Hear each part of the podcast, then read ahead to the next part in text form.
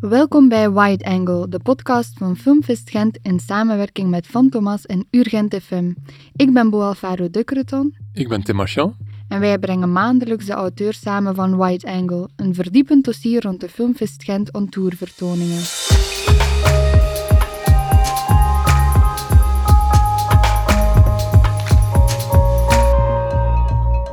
In de loop van het leven is er veel te verliezen. Natuurlijk is er de tijd, maar ook de bijbehorende vooruitzichten en herinneringen. De plek die je als je thuis identificeert en de mensen die dat gevoel mee voor je herbergen. Maar ook een deel van je identiteit wanneer de woorden zoek raken of in de leegte blijven haperen. Het zijn die monumentale verliezen die Mia Hansen-Love met haar kenmerkende fijnzinnigheid een plek weet te geven in haar nieuwste werk Aan Beau Matin. Over verlies, overgave en sluimerend maar levensnoodzakelijk verlangen hebben we het vandaag met... Bart Versteijert, kernredacteur bij Van Thomas en coördinator van Cinea. Josephine van de Kerkhoven, doctoraatsonderzoeker in de kunstwetenschappen aan de UGent en redacteur bij Recto Verso. Patrick Duinslager, curator van het programma Classics van Filmfest Gent. Vandaag hebben we het dus over het werk van uh, Mia Hansen-Love. Patrick, schreef een uitgebreid portret over haar. Kan je ons eventjes meenemen in het universum van uh, Mia Hansen-Love? Wat moeten we zeker over haar weten?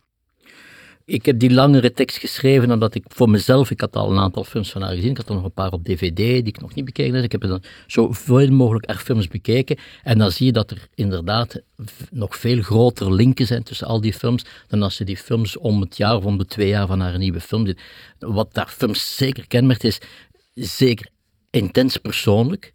Dus uh, alhoewel ze niet exhibitionistisch is, of dat je niet meteen voelt van ik vertel een verhaal uit mijn leven, zijn het allemaal situaties die zij tegenkomen is, die zij ervaren heeft, waar ze mee te maken heeft, maar die ze wel transformeert op een manier dat het ook helemaal niet ja, een beetje narcistisch wordt. Dus uh, ze weet die, die persoonlijke, ze weet films die ze maakt, de verhalen die ze vertelt, ze weet dat te voeden met zeer persoonlijke gegevens, met zeer persoonlijke ervaringen, maar dat op een manier te doen dat je als toeschouwer dat ook niet beseft. Is pas als je begint te lezen daarover dat je dat merkt. Maar je voelt een enorme betrokkenheid, enorme empathie voor haar personages.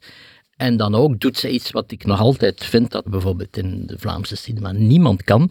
Dat is gewoon een film maken over gewone mensen en dan een interessante film maken. Het moeten bij ons altijd karikaturen en overdrijvingen en extreme zijn, maar zij is zo iemand die echt uh, iets maakt dat de, de, in handen van een minder talent banaal zou zijn. Maar precies haar blik erop, haar montage, haar, alles cinematografisch, maakt dat super, super waardevolle. En als je die film ziet, voel je dat je iets gezien hebt dat echt, echt betekenis heeft. Ja, ik denk um, dat Patrick helemaal gelijk heeft. Vooral dat, dat gaan van het specifieke naar het algemene of zo. Dat dat is heel sterk. Uh, ik denk dat dat ook uh, gewoon in het algemeen bij schrijven, alle, eigenlijk alle narratieve kunstvormen of zo, een heel degelijke tactiek is om te vertrekken van iets heel persoonlijk of heel specifiek. Maar dan is het uiteraard de kunst om daar iets van te maken. Ik gebruik niet graag het woord universeel of zo, maar, maar dat iets algemeen is of, of herkenbaar is misschien ook niet zo belangrijk, maar algemener, eigenlijk bijna filosofisch gaan. Dat, dat vind ik zo sterk aan haar werk, terwijl dat heel ja, eenvoudige recht toe recht aan verhalen zijn over dagdagelijkse dingen die ja, veel mensen meemaken, dat er toch ook een soort filosofische lading in zit, maar die niet onmiddellijk duidelijk is.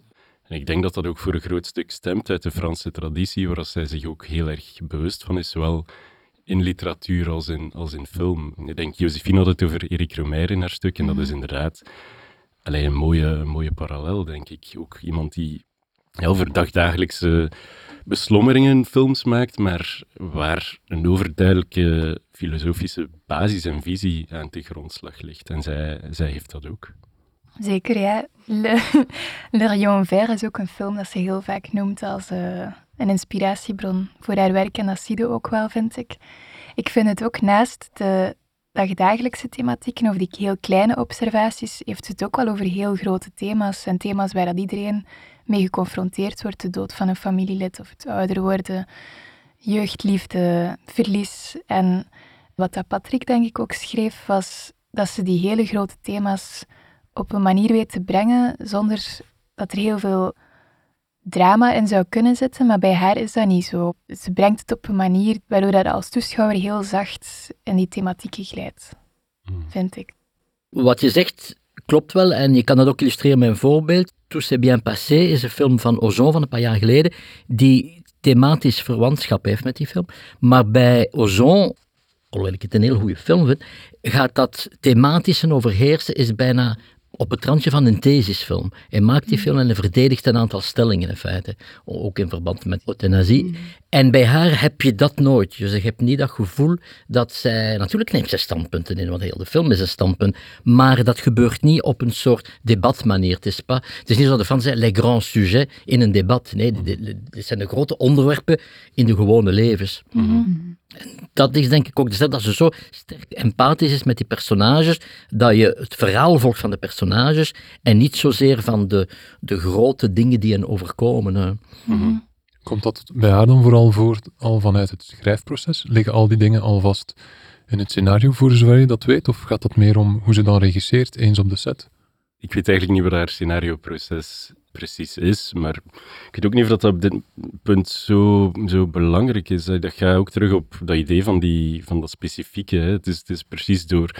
Dus ook als je aan het schrijven bent, hè, als je, je kunt kiezen tussen twee woorden ik kies altijd voor het meest specifieke woord. Ik bedoel niet het meest exacte mhm. woord. En ik probeer nu niet het gesprek op mijn tekst te doen, uh, doen uitdraaien. Maar als je, je, kunt schrijven, er passeert een auto. Maar het is beter om te schrijven, er passeert een rode Volkswagen Golf of zo. Dat specifieke verankert, denk ik, al die grote thema's. Maar dat, dat, is, dat lijkt veel eenvoudiger dan, dan mm dat het is. En of dat dan nu in het scenario al zo is of op de set, dat, dat weet ik niet ik vind het heel moeilijk om, om mijn vinger erop te leggen wat in haar vormentaal er eigenlijk precies voor zorgt. Dat we, dat we daar zo als kijker ja, in meegedragen worden en, en ons mee laten voeren door alle emotionele wisselingen, maar toch ook ons bewust zijn van die grote thema's en van al de filosofische implicaties die er zijn. Het heeft iets met ritme te zien, maar ook met, met mise-en-scène, waar Patrick denk ik het ook over had, die mm. eigenlijk heel onopvallend is, maar wel ook heel precies of zo het is niet toevallig. Het lijkt soms een beetje registrerend, maar het zijn geen grote uh, tableaus dat ze schetst, maar het is wel altijd heel uitgekiend. Of zo. Ja, en ook eh, haar montage, dat, dat ze zegt, dat, eh, een van de dingen dat ze, dat ze doet, is dat je niet bij het begin van een scène begint, maar je begint als de scène al bezig is en je stapt uit de scène voor ze volledig voltooid is. En niet dat daar films iets brusk heeft, maar ik denk dat dat dat, dat dat de dingen ook dedramatiseert. Want als je dat allemaal zo volledig toont, dan krijg je zo een, de klassieke opbouw. En dat, mm. dat heb je niet. Dus je ziet een beetje, soms is dat woord een beetje imperatief bedoeld, maar hier bedoel ik niet imperatief, een beetje tranche de vie. De, Fransen hebben dat, en veel regisseurs hebben dat, hè, bedoel, van vroeger ook, die totaal andere films maken, maar van Claude Sautet tot Jean Eustache, dat zijn mm. allemaal bijna flarden van het leven, die, die, maar die zich filmisch transformeren. Maar wat de Franse cinema toch, dat realisme van, de, van een bepaald soort type Franse film, dat, dat eigenlijk een voortzetting is van de Nouvelle Vague, en, eh, mhm. dat is toch iets dat zeer sterk in de cinema aanwezig is. Dat kan leiden tot enorme, een beetje, ik uh, zou zeggen, een beetje films die, die, die zo over persoonlijke dingen gaan dat het bijna irritant wordt. Maar als dat een soort om goed woord te een soort humanisme bij komt kijken, dan is dat zeer sterk. En dan gaat dat terug tot de traditie van Jean Renoir, vind ik. Nu, we zijn het eens over die traditie waarin ze in zit, maar ik denk, Patrick, jij schrijft in je tekst ook over, het is ook een ontmoeting tussen een klassicisme en moderniteit. Ja, ja, Wat maakt daar werk dan zo modern? Wel, de moderniteit is de, de bijvoorbeeld die montage al, is, is de moderniteit. Is, het klassicisme vind ik meer het kader, de, de kaders en ook de, de, de travelings die, die, die niet opvallend zijn in de zin van zien ik wat dat kan met een traveling, maar als de camera beweegt, dan zie je wel een beweging en, en, en er is een reden voor die beweging. Dus het is zeer functioneel en haar moderniteit zit ook in haar, in haar keuze van in, haar, in het geluid en de, en de muziekkeuze. Want die muziek is toch ook zeer belangrijk voor haar. We hebben ze niet zeer veel muziek gebruikt. Maar misschien is dat ook, voor een stuk is zij toch ook beïnvloed door Assayas, bij wie dat ze eigenlijk begonnen is als actrice. Daar hebben ze een verhouding gehad en ze zijn een tijd samen geweest. En hij maakt een totaal ander soort film zijn meer intellectualistisch, maar bij hem ook heb je die, de muziek die zo belangrijk is. Dus een, een, in, veel films irriteert het als je plotseling een liedje hoort. Maar je zegt dat is erbij gesleurd om een plaat te doen verkopen of zo. Maar bij haar, als je dan een, muzikaal thema hoort, zoals op het einde heb je een heel mooi, subtiel muzikaal thema, dan is dat zeer, zeer eh, sterk. Dus, uh, dus ze heeft toch ook voor een stuk een, minimalisme bijna, maar een minimalisme binnen een soort realistische cinema. Films zijn niet echt wat men noemt hypergestileerd. Hè. Dus, uh, Ik heb daar ook over nagedacht van wat, zou het nu zijn dat, daar zo, dat die film zo overtuigend maakt. En voor mij is toch een groot deel ook het feit dat ze allemaal stuk voor stuk films maakt over onderwerpen die heel dicht, waar dat ze heel dichtbij staat. Dingen dat ze zelf heeft geleefd, dat ze zelf heeft meegemaakt en films dat ze volgens mij ook uit noodzaak heeft geschreven. Of in een interview vermeldde ze ook over deze film dat het schrijven bijna ja, zich opdringt en dat die therapeutisch, om dat woord te laten vallen, uh, maar dat toch ook wel een, voor een stuk zo is. En ook haar muziek, ze is ze bereidt alles heel goed voor. En de muziek die ze gebruikt, Schubert komt ook heel vaak terug, dat is ook muziek waar zij mee opgegroeid is. Die, ik vind dat hij in de personages en de thema's en in alles voelt hoe authentiek en oprecht het verhaal voor haar is. Ja, je, spreekt, je sprak over de filosofische uh, kant van het werk, maar ze is de dochter van twee filosofen, prof, ja, uh, professor filosofie, dus het is heel natuurlijk. Het is niet iemand zegt, kan ik een beetje filosofie doen? Nee, ze is, het is daar met de paplepel ingegeven en dat maakt het ook waarschijnlijk zo authentiek. Want vaak heb je in Franse films, als er zo een beetje uh, beroepen aangekaart worden, dan heb je zoiets van, oh, het is een modieus beroep. Of het is een... Maar dat beroep is heel belangrijk. Ook die, die um, haar minnaar dus, ook dat beroep... Um, Astrochemicus. Astro, ja. ja. ik moet zeggen dat ik niet zeg astrofysicus. Nee, nee, nee. nee. dat is dat is de, is de fout. Maar dat is ook zo een beroep. In het begin zeg je, ja, dat is een beetje een exotisch beroep. Maar als je dan ziet dat dat dan met de kosmos, met de mm -hmm. sterren te maken heeft, dat mensen op een zeker moment ook buiten gaan om naar sterren te kijken, dan zeg je dat je die heel persoonlijke problematiek, die heel persoonlijke gevoeligheid, krijgt dan plotseling een bijna kosmische dimensie. Mm -hmm. Dus in die zin is, is dat allemaal zeer raak gekozen. En dat komt dan niet artificieel over, omdat ze omdat ze ook voldoende dat is ook het realisme, dus eigenlijk gezegd. Je ziet ook wat die man doet van beroep, want vaak wordt er zo aan iemand een beroep toegeschreven en je moet maar aannemen dat iemand schrijver mhm. of dat iemand... Mm maar bij, er worden dingen uitgelegd en er wordt gediscuteerd en je kan zeggen, ja, is dat nu zo belangrijk? Maar het is ook belangrijk, dan heb je ook de, de wortels mee, dus dat dat, uh, dat dat wel allemaal diep geworteld zit bij haar. Ja, ik vind ook wat Josephine daarnet zei heel, heel belangrijk eigenlijk, dat, dat, dat gaat inderdaad over heel veel details en thema's en verhaallijnen, maar dat dat ook een vormelijke component heeft in de zin van die muziek. Uh, Ook in, in, in deze film, hè, in uh, Un Beau Matin, zitten er twee muziekstukken van, ik denk Jan Johansson, ja. een Deense, veronderstel je dan, componist of jazzcomponist, die vooral in de jaren zeventig actief was. Maar, en dat zijn dingen die klinken ergens wel bekend in de oren, maar wij kennen die niet. Ik heb dat ook moeten mhm. opzoeken, wie dat was. Maar dat, dat is iets heel specifiek. Je zou daar even goed een ander ja, stuk kunnen voor kiezen, maar zij kiest die dingen. En op een of andere manier, en het is moeilijk om daar om dat op, een, op een soort zeer analytische manier te gaan omschrijven, maar op een of andere manier voelt je dat wel ja, als kijker. Dat dat inderdaad zowel op thematisch als narratief als op vormelijk niveau allemaal heel persoonlijk is. En dat zij ook heel veel put uit die hele Franse traditie, omdat ze er ook heel erg vertrouwd mee is. Gewoon door haar band met Assayas, maar ook gewoon waarschijnlijk. Uh, ik, ik weet het niet, ik heb heel weinig interviews met haar gelezen, maar als Josephine, zoals jij zegt, als zij verwijst naar Le Rayon Vert, ik kan mij veronderstellen dat zij, ik kan veronderstellen dat zij heel erg vertrouwd is met die, mm. zeker die Nouvelle Vague en post-Nouvelle Vague uh, Franse films. En ook, er zijn referenties in haar films, maar de referenties ervan dat het interessant is, vind ik, om, om een beetje in, in haar werk te verdiepen, om dingen op te zoeken. Bijvoorbeeld die componist die je aanhaalt, dat is, die, die heeft wel de, de muziek gemaakt voor één Bergman-film, mm. de, de Touch, de enige Engelstalige film van Bergman. Mm. Dus je kan natuurlijk niet zeggen als je dat doet, oh, dit is een referentie naar Bergman, omdat je ten eerste moment dat je het hoort dat niet weet. Maar die gelaagdheid zit er wel in. Mhm. Ik denk niet dat het mm belangrijk is dat we dat meteen allemaal weten, maar het is allemaal, dan, dan weet je, ah ja, dat is zeker niet lukraak gekozen, want het is tegelijk in haar traditie van haar afkomst, haar Scandinavische afkomst, maar het is tegelijk ook het sluit aan bij uh, haar vorige film, Bergman Island. Mhm. Dus in, in, die zin zit dat werk ook, uh, en daarin is een echte auteur uiteraard, vol met connecties en mhm. verbanden en echo-effecten, maar die zeer subtiel zijn en die zeker niet, uh, het is zeker niet dat ze haar eigen stijl citeert, dat doet mhm. ze niet. Maar het is meer een, ik denk dat het allemaal te maken heeft, zoals ze zegt, omdat het allemaal zeer persoonlijk is. Het keert terug omdat het gewoon is wat daar gemaakt heeft als, als, als, als filmmaakster. Wat ik daar ook interessant aan vind, Eigenlijk, het is heel erg bourgeois cinema ook, maar ik bedoel dat niet per se ja, slecht. Nee, nee. Allee, maar alle referenties zijn, Ja, dat, gaat, tuurlijk, ja, dat zijn bourgeois-referenties. Ja, ja.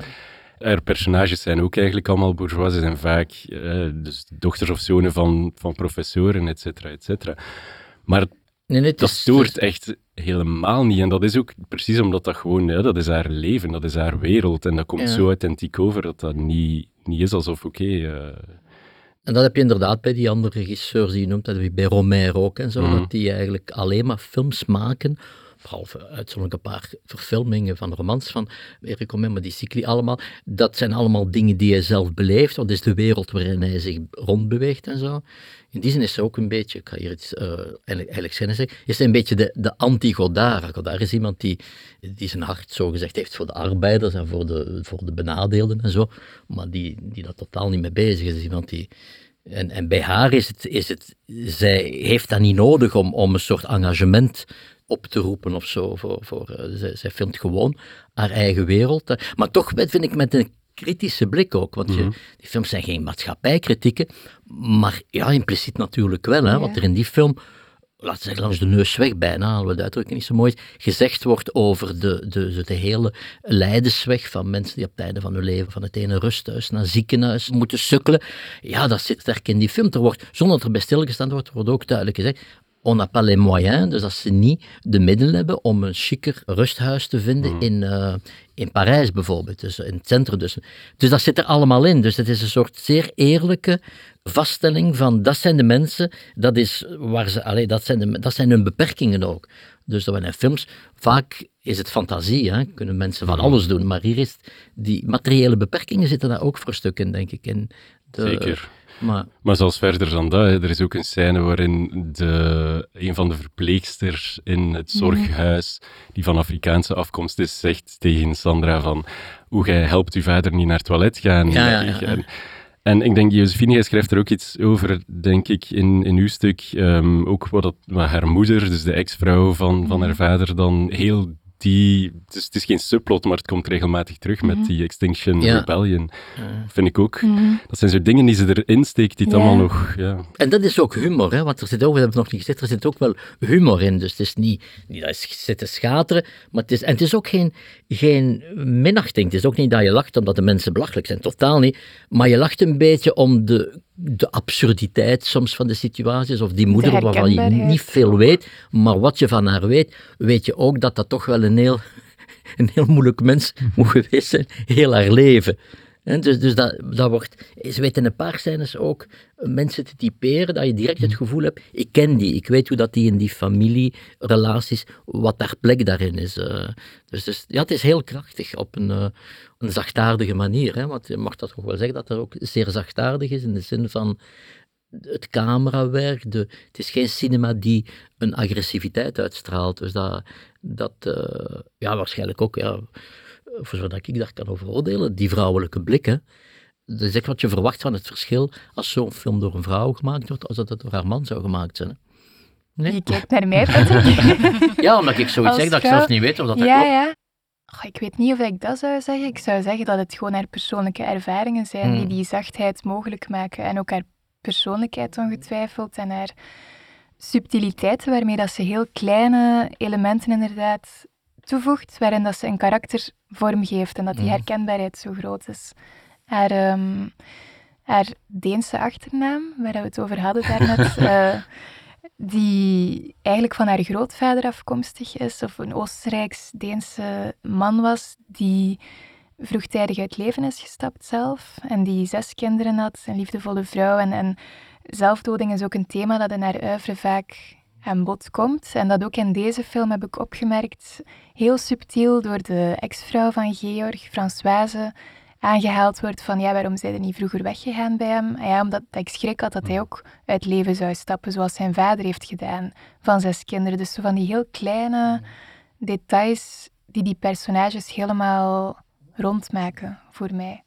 En dan natuurlijk, wat we nog niet, nog niet over gesproken hebben, maar natuurlijk is het uit- uiteraard het grote belang van de acteurs daarin. Mhm. En zij Mhm. weet dan ook die, die mensen die misschien uit haar echte wereld komen, of die waar ze, zij de gevoeligheden kent. Ze weet dat dan ook te verzoenen met die acteur, dat dat perfect klikt met die acteur. En in die zin is die film, vind ik, ongelooflijk sterk van, van, van, van, van casting, zonder dat dat een soort casting is, dat is echt is indrukwekkend of zo, maar als je ziet hoe zij, dus de rol van de vader is Pascal Gregory, dat is een, een zeer onderschatte, van zeker in Vlaanderen bijna niet bekende acteur, die ook veel theater gedaan heeft, die denk ik een van zijn eerste opvallende rollen was de film van Eric Romer, Paulina La Plage, dus toen was hij zo de, jeune premier, en uh, ik heb die in de loop van de jaren af en toe nog teruggezien, maar niet zeer veel. En dan zie je in één keer die jeune premier die nu die oude man is geworden, maar die ook als oude man net en altijd eh, ja, een schoonheid heeft en, en een, een, uitstraling. Dus dat ligt ook voor de haar keuze van acteurs, zo werkt met acteurs waarschijnlijk, maar ook haar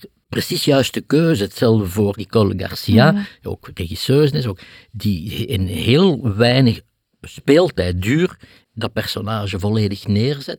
En natuurlijk, Lea Seydoux, stilaan kun je dat wel een fenomeen noemen, want bijna als je haar filmografie bekijkt, het is ongelooflijk. Het is de ene grote of belangrijke regisseur na de andere. Als ze dan puur commerciële dingen doet, zo'n, ja, dan zijn het wel de betere James Bond film. Dus, dus dat is wel een, ik denk wel dat het een super, super fenomenale carrière is van, uh, van Lea Seydoux, en die in zo'n kleine film dan ook weer al haar kwaliteiten en al haar ze heeft zoiets, um, ja, hoe moet dat? ik vond dat zo'n beetje gaminachtig zo, met, met dat kort haar en zo. Ze is zeer Parisien, vind ik, maar uh, zonder de irritante kanten van dat soort personage dat je meestal in films hebt. En ze is empathisch, hè? Je, je, je leeft met haar mee. Je, uh, en ze kan zo mooi triest kijken, vind ik.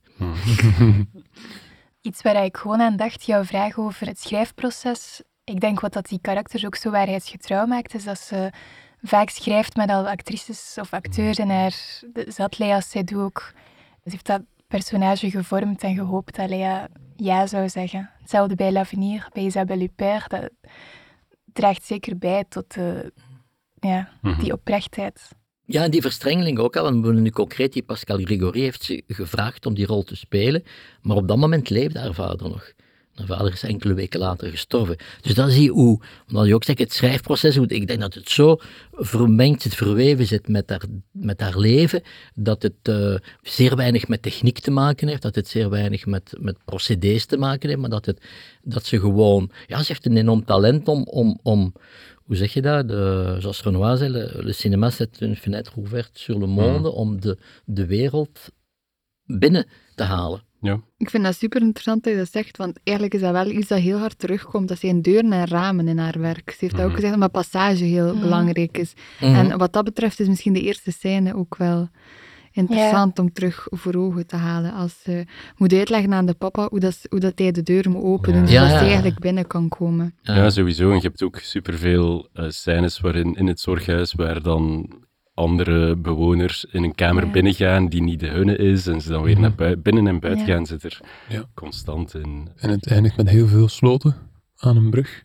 Ja, klopt. Maar ook daar, dus, dus niets daarvan is onmiddellijk metaforisch of zo. Dat, is er ook heel mooi aan. Het is niet zoals bij Ozon of andere filmmakers, minder getalenteerde filmmakers in mijn, mijn, in mijn opinie, die die u echt om het hoofd slaan met, met overduidelijke metaforen en die je moet, moet interpreteren. Maar dat is het mooie aan, aan echte kunst, is dat dat, dat dat open is en dat dat leeft. Dus inderdaad, die, die metafoor van uh, La, La Fenêtre is echt mm super mooi en dat dat, dat dat ook vertaald wordt in de beelden die zij wil maken, zonder dat dat plots ja, een, heel, heel overduidelijk, mm. eenduidig te interpreteren statement. Ja, het is geen mooi filmberij, het is nooit mm. dat zegt het is een mooie plaatje, maar het is wel een ongelooflijk gebruik van de seizoenen bijvoorbeeld, in, die, in de fotografie.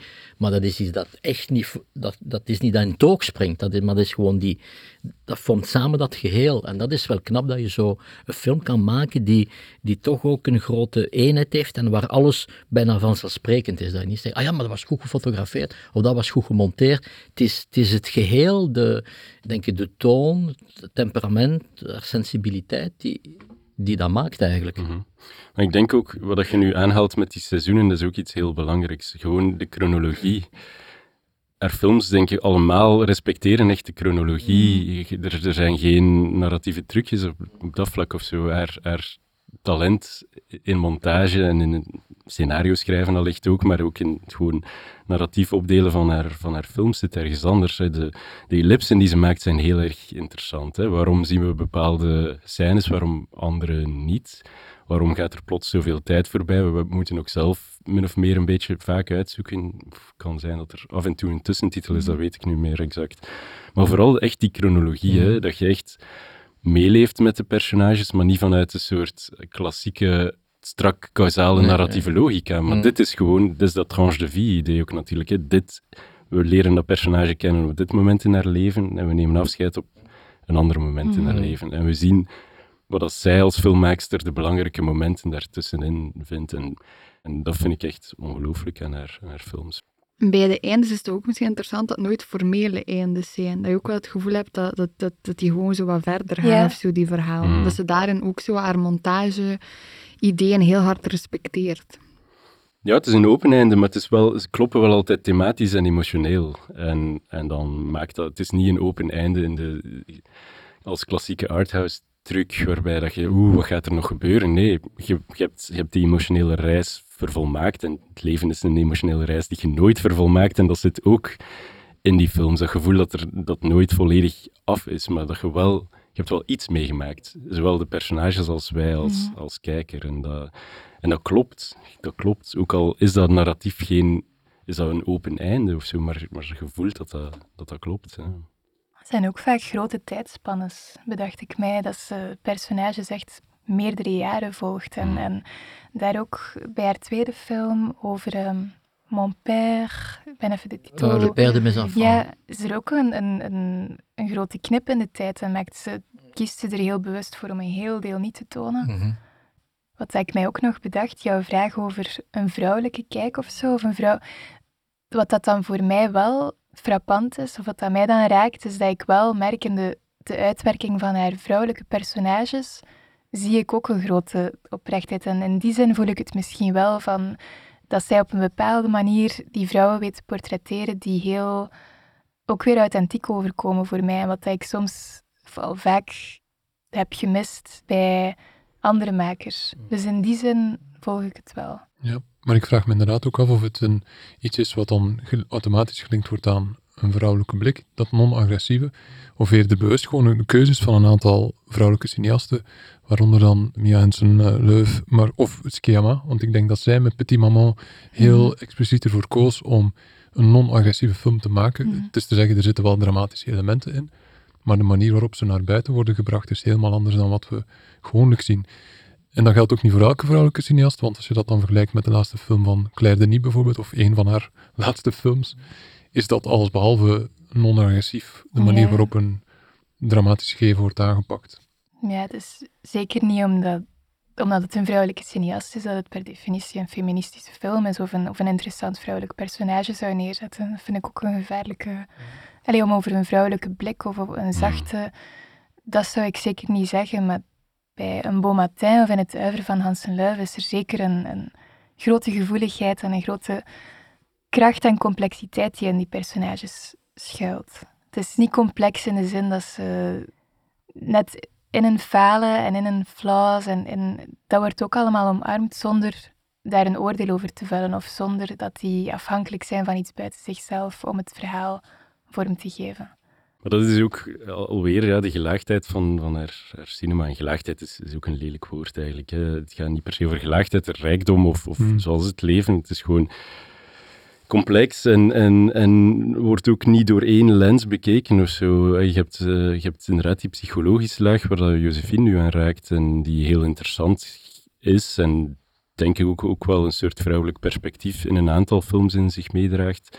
In L'Avenir, zoals, zoals jij er ook over, over schreef, eh, een vrouw die gedefinieerd wordt als moeder, dochter, echtgenote en lesgeefster. Heeft allemaal, Mhm. laten we zeggen, ondersteunende rollen. Nu in een Beau Matin ook. Hè. Zij is Mhm. vertaalster, ze helpt haar vader.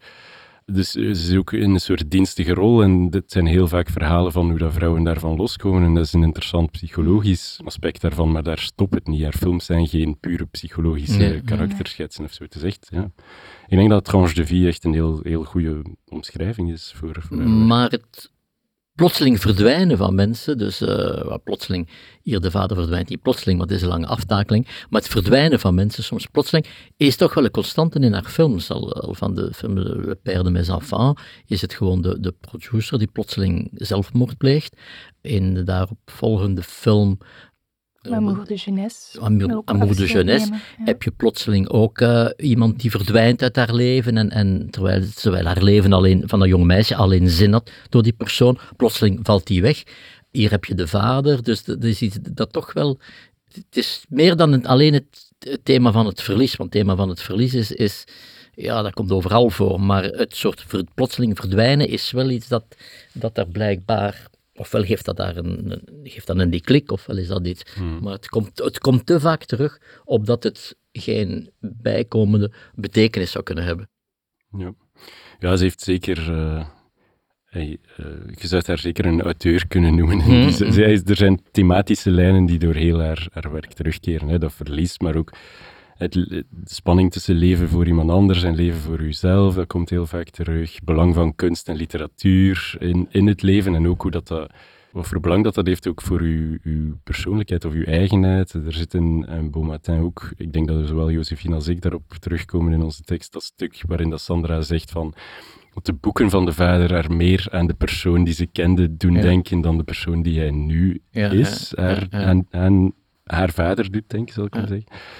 Dus eh, dat zijn echt dingen die in heel uiveren, terugkomen. Dus ik vind dat heel interessant. En taal natuurlijk. Hè. Uh, dat vond ik ook vond heel, heel, leuk om te lezen in jouw stuk ook, Patrick, over L'Avenir. Ik was dat vergeten. Ik heb de film in de cinema gezien toen, ik weet meer hoeveel jaar geleden dat dat is.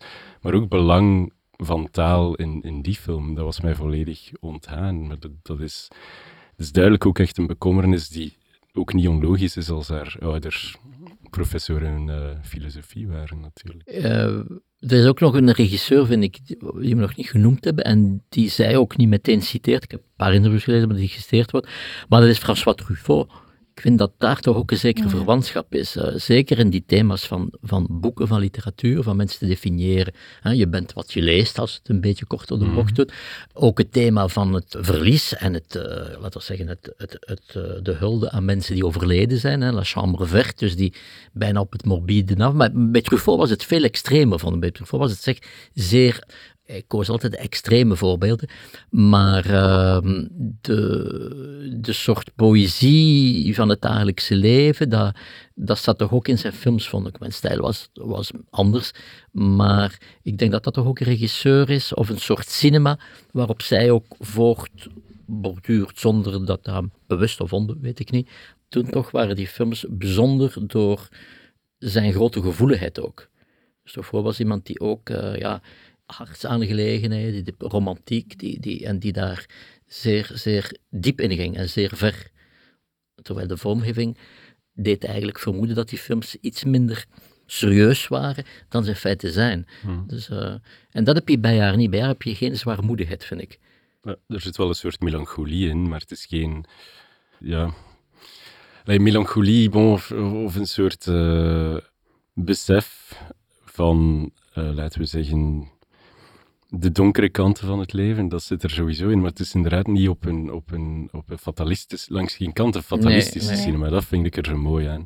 En dat, dat zit ook in, in waar dat Josephine daar net over had, over hoe dat, die personages, en, en vaak zijn het dan inderdaad vrouwen, hoe dat die in een, in een bepaald soort crisis terechtkomen, maar dan een nieuwe, nieuwe constellatie vinden of, of iets nieuws waar ze zich, een, nieuwe manier om zich te verhouden tegenover de wereld en, en hun naasten of zo. En, er zit altijd wel een aspect van, van hoop in, maar ook geen, ja... Museumzoet. Nee, voilà. Of geen na naïviteit. Ja. Nee, inderdaad, dat is het. Het sluit misschien meer aan bij de melancholie van Ozu, of zo. Als het dan ja, maar ja, Patrick heeft al het woord humanistisch laten vallen. Ja. En waar is al ter sprake gekomen. Ja, dat is, dat is inderdaad humanisme. Ja. Maar dat is niet gemakkelijk. Dat is echt iets waar dat zij ongelooflijk in slaagt om een film met zo'n zware, toch wel thematieken en, en heel die, die zoektocht van uh, een betaalbare en leefbare woning voor haar vader en, en het is allemaal zo heftig, maar toch heb je die film gezien en voel je, niet, voel je die, zwaar, die zwaarte blijft niet hangen. Het is heel mooi, zo de, de ja, schoonheid en lelijkheid van het leven. Dat ze... En, en catharsis, denk ik, sorry ik u onderbreek. Catharsis is een, een heel belangrijk ding in naar, naar films. En ook niet op een ah, nu hebben we een catharsis bereikt en het is gedaan manier, maar als, als, als één moment in ons leven, we hebben dat allemaal al ervaren, zo'n soort Eureka-moment of een moment van er valt iets van mijn schouders of ik zie eindelijk eens, of ik kan eindelijk met een soort emotie om, daarop komt het vaak neer. Ik had dat ook heel erg hard in, in Bergman Island, je hebt die dansscène op The Winner Takes It All bijvoorbeeld. En dat zit, dat zit ook sterk, en dat grijpt ook terug naar iets wat je eerder zei, Patrick, dat zit ook heel sterk in die post-nouvelle vague cinema. Assayas is daar ook heel goed in, in ja, cathartische dansscènes of muziekscènes of weet ik veel wat. En, en dat, dat vind ik ook zo mooi, want dat zijn super herkenbare momenten momenten waarop dat we eigenlijk ook een soort waar, tot een soort waarheid komen, denk ik. En ik denk dat daar ook voor een groot stuk wat filosofische project van veel van die Franse cinema, maar ook van haar cinema in zit die waarheid dat dat een moment is. En dat, dat je dat niet, je komt daar niet toe door te zitten nadenken en honderdduizend boeken te lezen. Die boeken helpen en dat nadenken helpt. Maar dat moment van waarheid is een moment. En dat gaat gepaard met emoties en met gedachten. En, en zij slaagt daarin ook in een beau matin naar het einde toe om, om dat te filmen. En dat is, dat, ja, ik vind dat fantastisch dat je dat kunt. En die Franse cinema is er bij uitstek heel goed in. Romero ook. Hè close-ups zijn daar super belangrijk in en weten wanneer dat je een close-up gebruikt. En, en zij weet dat ook. Eh, mhm. ik denk dat er heel weinig echte close-ups in die film zitten. Maar als ze erin zitten, zijn ze ja, juist en waar. We hebben het al over een catharsis gehad en het, het lijkt op een zeker uh, niveau iets therapeutisch wat met de personages gebeurt therapie van de films die uh, Mia Hansen maakt, of ze ziet het ook als therapeutisch. Jij hebt het daar straks nog voorzichtig willen omschrijven. Ja. Josephine, waarom? Ja, ik denk deels voorzichtig, omdat um, dat is naar mijn gevoel, hè, autotheorie of, of makers die heel hard uit hun eigen leven putten. Wat dat mannen, bijvoorbeeld Karel Ove Knauskaart in zijn boeken, dat dat vaak iets is dat geprezen wordt en dat dat bij vrouwen soms als een makkelijke dat dat soms als een kritiek geuit wordt van ja, maar dat is gemakkelijk. En daarmee dat ik een beetje voorzichtig het woord therapeutisch wou laten vallen.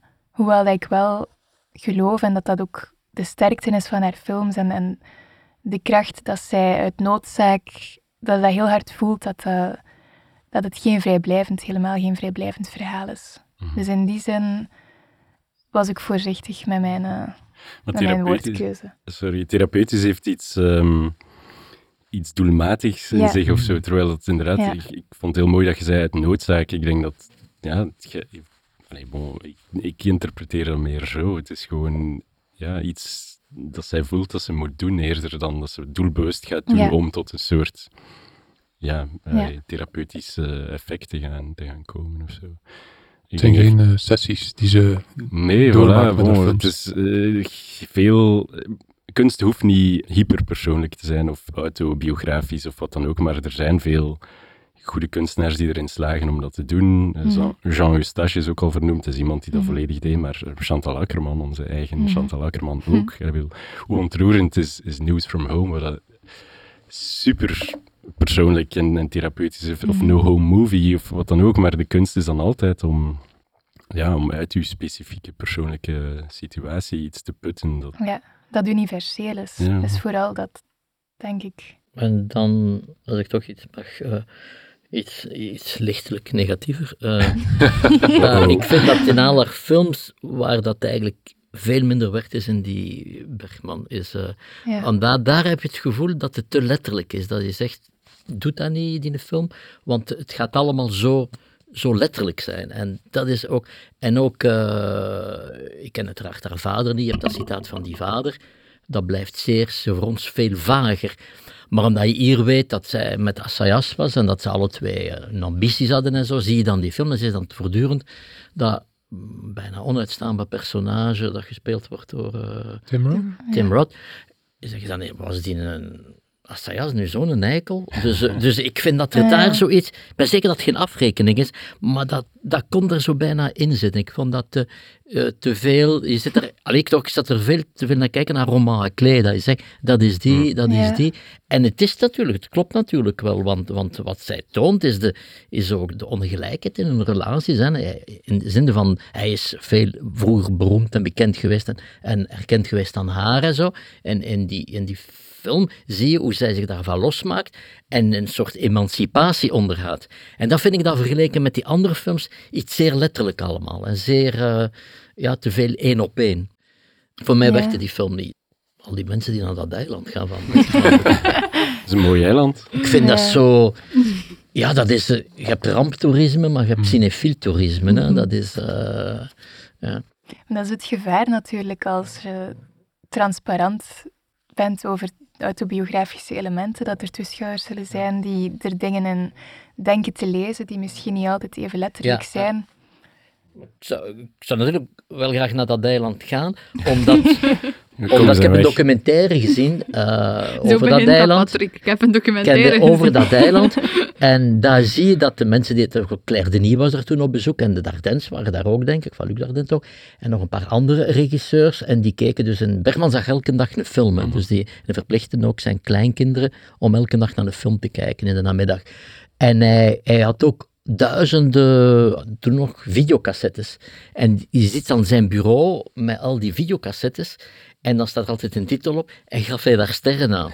Dus Bergman deelde sterren uit. En dat is wat me enorm intrigeert. Omdat dat vaak zo gezien wordt, ja, sterren uitdelen, dat is toch een beetje te, te consumptieachtig. Hè? Dat is iets, ja, is goed voor filmcritici, maar toch niet filmmakers. En als dat allemaal zegt, ik zou graag een keer die collectie zien en weten wat hij nu twee sterren geeft, wat hij drie sterren geeft.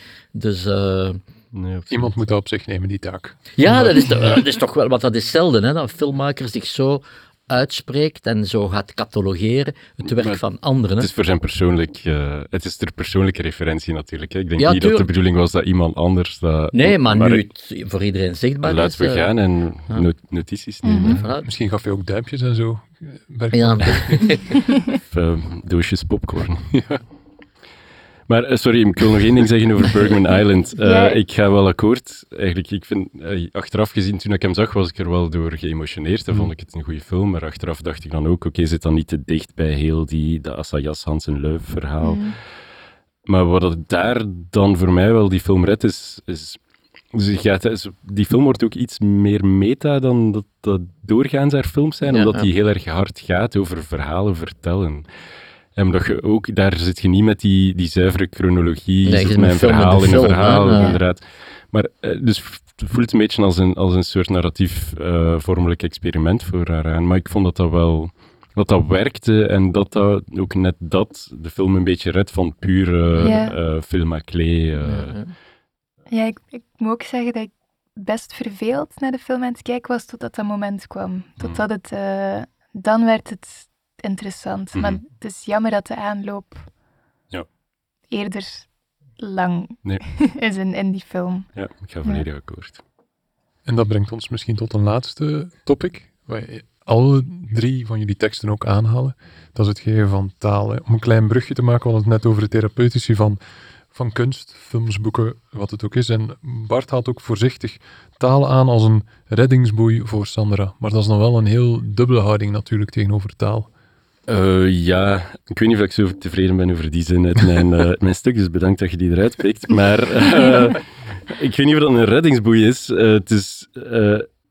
het is eerder ook een deel van, ja, bon, het is, als, het is dan zowel reddingsboei als oceaan waarin dat we verdrinken. En, en, maar daarover gaat het, denk ik, hè, over, over ehm, de veelvormigheid van taal, of van eigenlijk alle communicatievormen die wij hebben, en hoe moeilijk dat is om daar precies in te zijn, hoe hard dat we dat ook willen. En, en dat is duidelijk iets waar als zij heel erg hard en veel over nadenkt, en ook, oké, waar ook gewoon heel veel filosofie over gaat, want dat is wat we zijn. We zijn het hier nu letterlijk aan het doen. We zijn constant aan het nadenken over hoe dat we dingen gaan, gaan zeggen. Ik wil niet te meta worden en niet te veel in mijn eigen hoofd gaan kruipen, maar het is overduidelijk een bekommernis. En ik denk, ik zou L'Avenir nog eens moeten terugzien, maar ik kan me niet herinneren dat het in die mate aanwezig was als dat hier aanwezig is. Het is ook, eh, Bo haalde daar net die openingsscène aan en daar gaat inderdaad ook over, over deuren en doorgangen, maar dat gaat ook meteen over taal. Ook meteen over ja, eh, wat dat hij moet doen, wat dat dingen betekenen, wat, eh, de definitie van, van... Er worden zoveel woorden gedefinieerd, en niet alleen woorden, maar ook mensen en verhoudingen en... Sorry, en soms zo maar, soms op. In, die film, is, het is, gewoon- het is gewoon ongelooflijk. De, de romance tussen Sandra en Clément ontstaat tijdens twee gesprekken die eigenlijk gaan over, over definities. Eén over wat een zeeluipaard is. En, en twee, over wat dat die machines zijn waar hij als astrochemicus die astrofysicus ook een, ook een definitie waar dat hij mee bezig is. En, en dat zijn woorden die, die zij niet, als het dan gaat over die, die, dat technisch jargon, dat zijn woorden waar dat zij eigenlijk niks aan heeft. Want wat is dat? Weet ik veel wat, een of andere... Het is geen deeltjesversnelling. Ik weet het ook niet. Ik, kan, ik ben ook geen astrofysicus. Maar daarover gaat dat dan niet. Dat gaat dan plots over... Niet over de letterlijke betekenis van woorden, maar over de manier waarop ze geuit worden, de context waarin dat ze geuit worden. Al die lagen van taal, daar gaat ze door. En, en ook als het dan gaat over hoe omschrijft je de ziekte die haar vader doormaakt je kunt dat in een medisch jargon omschrijven, maar dat zegt niks over de affectieve gevolgen van die ziekte, of over hoe dat, eh, dat hij als patiënt ervaart, over hoe dat zijn naasten aanvaart, uh, ervaren. Sorry. Dat zegt iets over, hoe dat die ziekte werkt, fysiek in ons leven, maar onze realiteit is niet gewoon letterlijk de stof waaruit dat we gemaakt zijn. Dat is veel meer dan dat. En, en ik denk dat ze daarop doelt ook um, door zo die nadruk te leggen op, op taal. Um, omdat dat, ja, hoe dan ook onze realiteit vormgeeft. En dan mogen we natuurlijk ook haar beroep niet vergeten. En uiteraard, ja, ze is vertaalster. Ik bedoel, mm en, maar ook daar weer, hè, dat, als we dat nu zo allemaal opzommen, kan dat klinken alsof dat, dat extreem nadrukkelijk is, maar dat is compleet niet zo. Mhm. Ik heb een hele mooie quote uh, gevonden. En dat is van een Spaanse schrijfster. En ze is ook vertaalster. En ze heeft een boek geschreven over het vertalen. Het heet La Impostora of uh, The Imposter. Dus uh, over de functie van de vertaler. En zij schrijft eigenlijk: een vertalen dat, dat lijkt op liefde, omdat het zowel mogelijk als onmogelijk is. En ik vond dat bijzonder mooi passen bij. Dan ook als we de brug maken naar het liefdesleven van Sandra. Als we dan eigenlijk over de aanwezigheid van Clément nadenken. Mhm. Ja, um ik zou nog eens goed over die quote moeten nadenken. Want ik vind, ik vind het een heel mooie quote. Maar ik denk het idee van de mogelijkheid.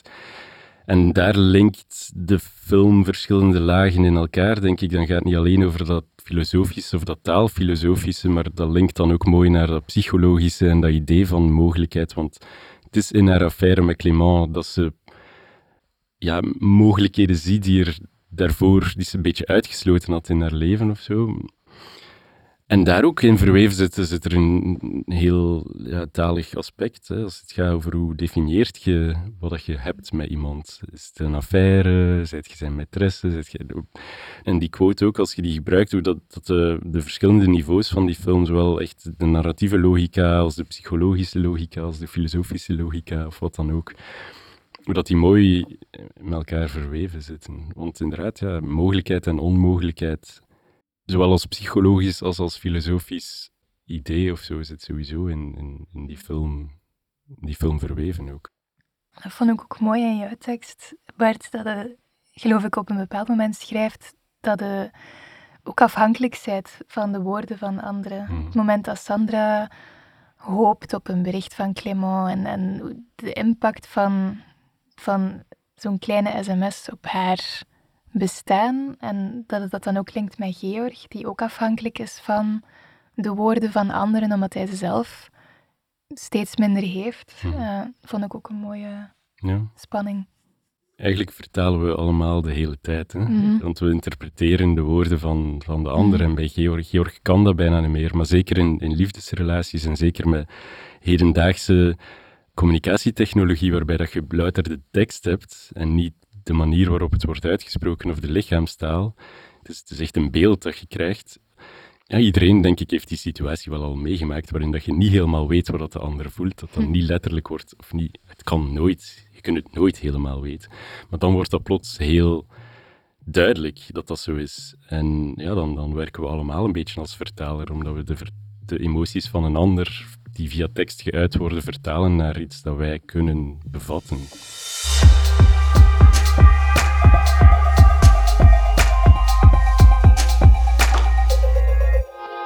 Wie al vaker naar de Wide Angle podcast heeft geluisterd, weet wat we zeggen. Praten over films leidt altijd tot meer films. Welke films zien jullie graag in een watchlist rond een bon matin? Ik had er op voorhand niet over nagedacht, maar aangezien dat we het al zo... eigenlijk bijna alles, alle filmmakers die we al vernoemd hebben, zou je een film van kunnen, kunnen kiezen. Maar ik ga dan, sorry Josephine als ik te snel af ben daarmee, iets van Eric Romer kiezen. En dat is niet Le Rayon Vert, maar, uh, maar uh, omdat dat ook echt gaat over een vrouw, een alleenstaande vrouw met een dochtertje. En eigenlijk ook hoe dat zij zich emotioneel afhankelijk maakt van iemand anders. En bij Contiver is het een uh, afwezige, de afwezige vader van haar kindje eigenlijk, die ze maar heel kort uh, heeft gekend.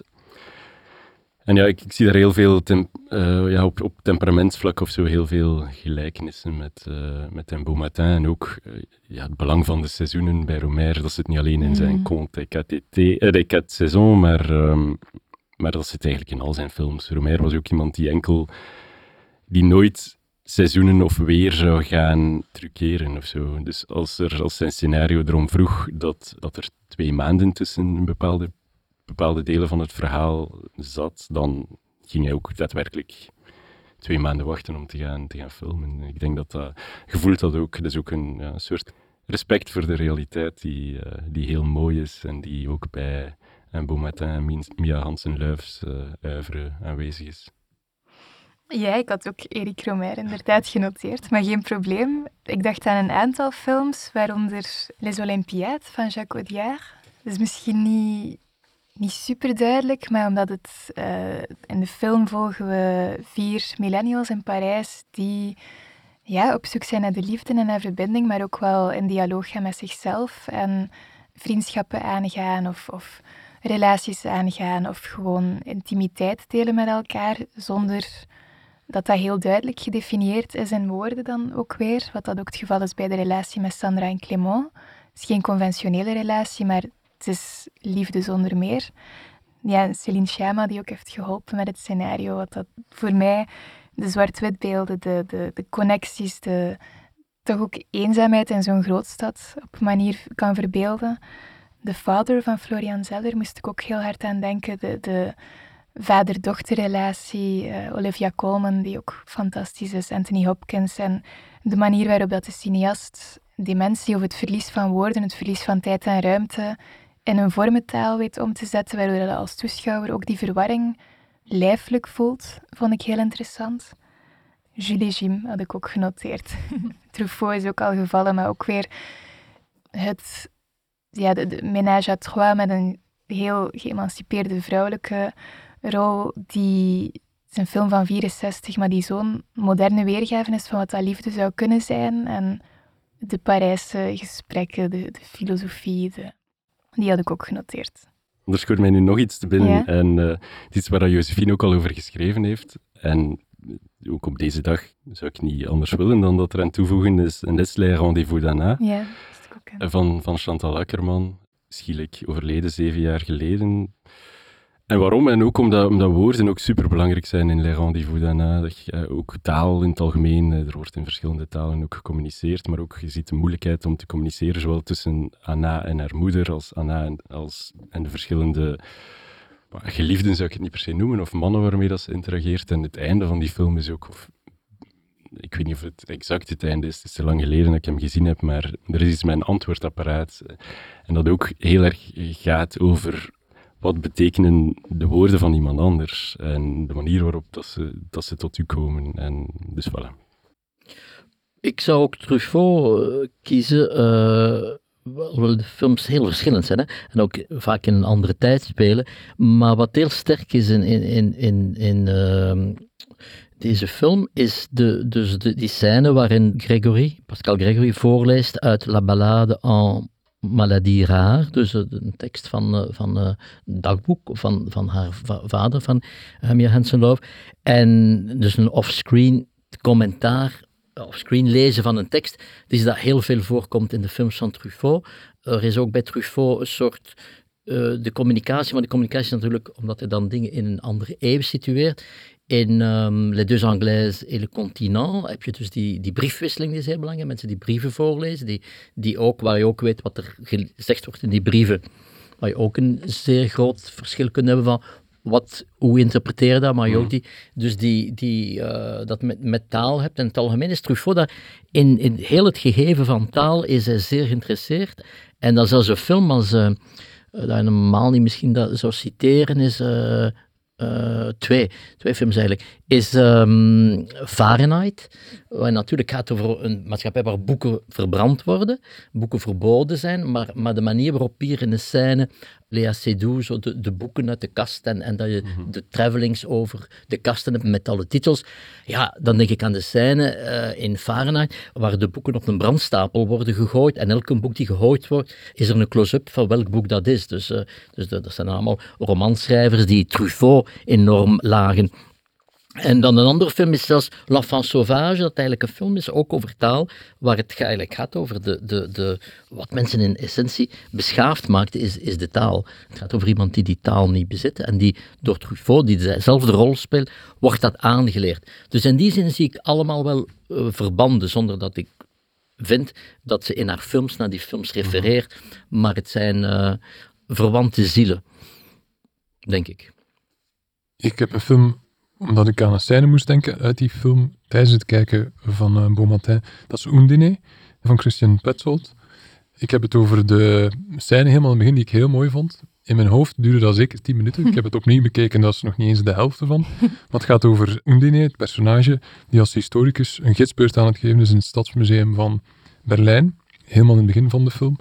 En we volgen haar gidsbeurt zo een vijf minuten dus. En die dan halt houdt bij een enorme maquette en de camera gaat daar dan traagjes op inzoomen. En het deed me denken aan het moment waarop de astrochemicus haar aan het uh, inlijven is in zijn bijzondere wereld. En het mhm. sluit eigenlijk aan bij een aantal dingen die jullie hebben aangehaald. Enerzijds Patrick die zei, we krijgen de job echt te zien van die persoon. We krijgen te zien wat hun werk inhoudt. En al het jargon, opnieuw taal die daarbij komt. Kijken ook de moeilijke taal soms. Wat bij in de handen van een minder regisseur heel droge expertise zou kunnen zijn, die wordt meegegeven, wordt hier iets uh, heel erg moois dat enerzijds gaat verrijken, ergens textuur geeft aan de film, en anderzijds ook wel aansluit bij de innerlijke wereld van die, uh, van die personages. Dat vond ik eigenlijk wel... En dat deed mij eraan denken, vandaar Oendene van Petzold. Interessant. De film die ik graag aan de watchlist zou toevoegen is het langspeeldebuut van een boeiende Griekse filmmaakster. Is A Moon 66 Questions van Jacqueline Lansou. En um, het interessante is dat ze eigenlijk ook vertrekt vanuit de relatie tussen een uh, dochter en de vader die lijdt aan een degeneratieve ziekte. Maar in tegenstelling tot een Beau Matin is niet vanuit een, um, ja, een hechte band dat ze vertrekken, maar eerder vanuit de afstand. Dus uh, het is daarom specifiek dat ik deze film op de lijst wil zetten, omdat het eigenlijk heel mooi contrasteert met de aanpak van uh, Mia Hansen-Love. Dus voilà.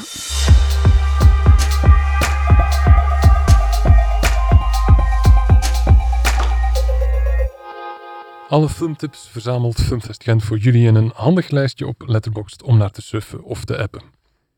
Hiermee sluiten we de zevende Wide Angle af, gewijd aan Mia Hansen-Leuve en Un Beau Matin. Haar jongste film gaat verschillende bioscopen rond in Vlaanderen en Brussel met Filmfest Gent on tour op dinsdag 18 oktober en heeft daarnaast nog twee publieke vertoningen tijdens de 49ste editie van ons geliefde festival.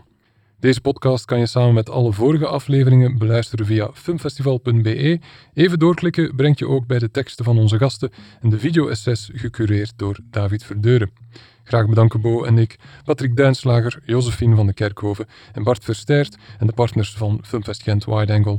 Dat zijn Fantomas, Filmscalpel en Urgent FM. Bedankt tot slot aan jullie om te luisteren en geniet met volle teugen van het grote filmfeest. Dat gaan wij al sinds ook doen en nadien plannen we onze reis naar Bergman Eiland.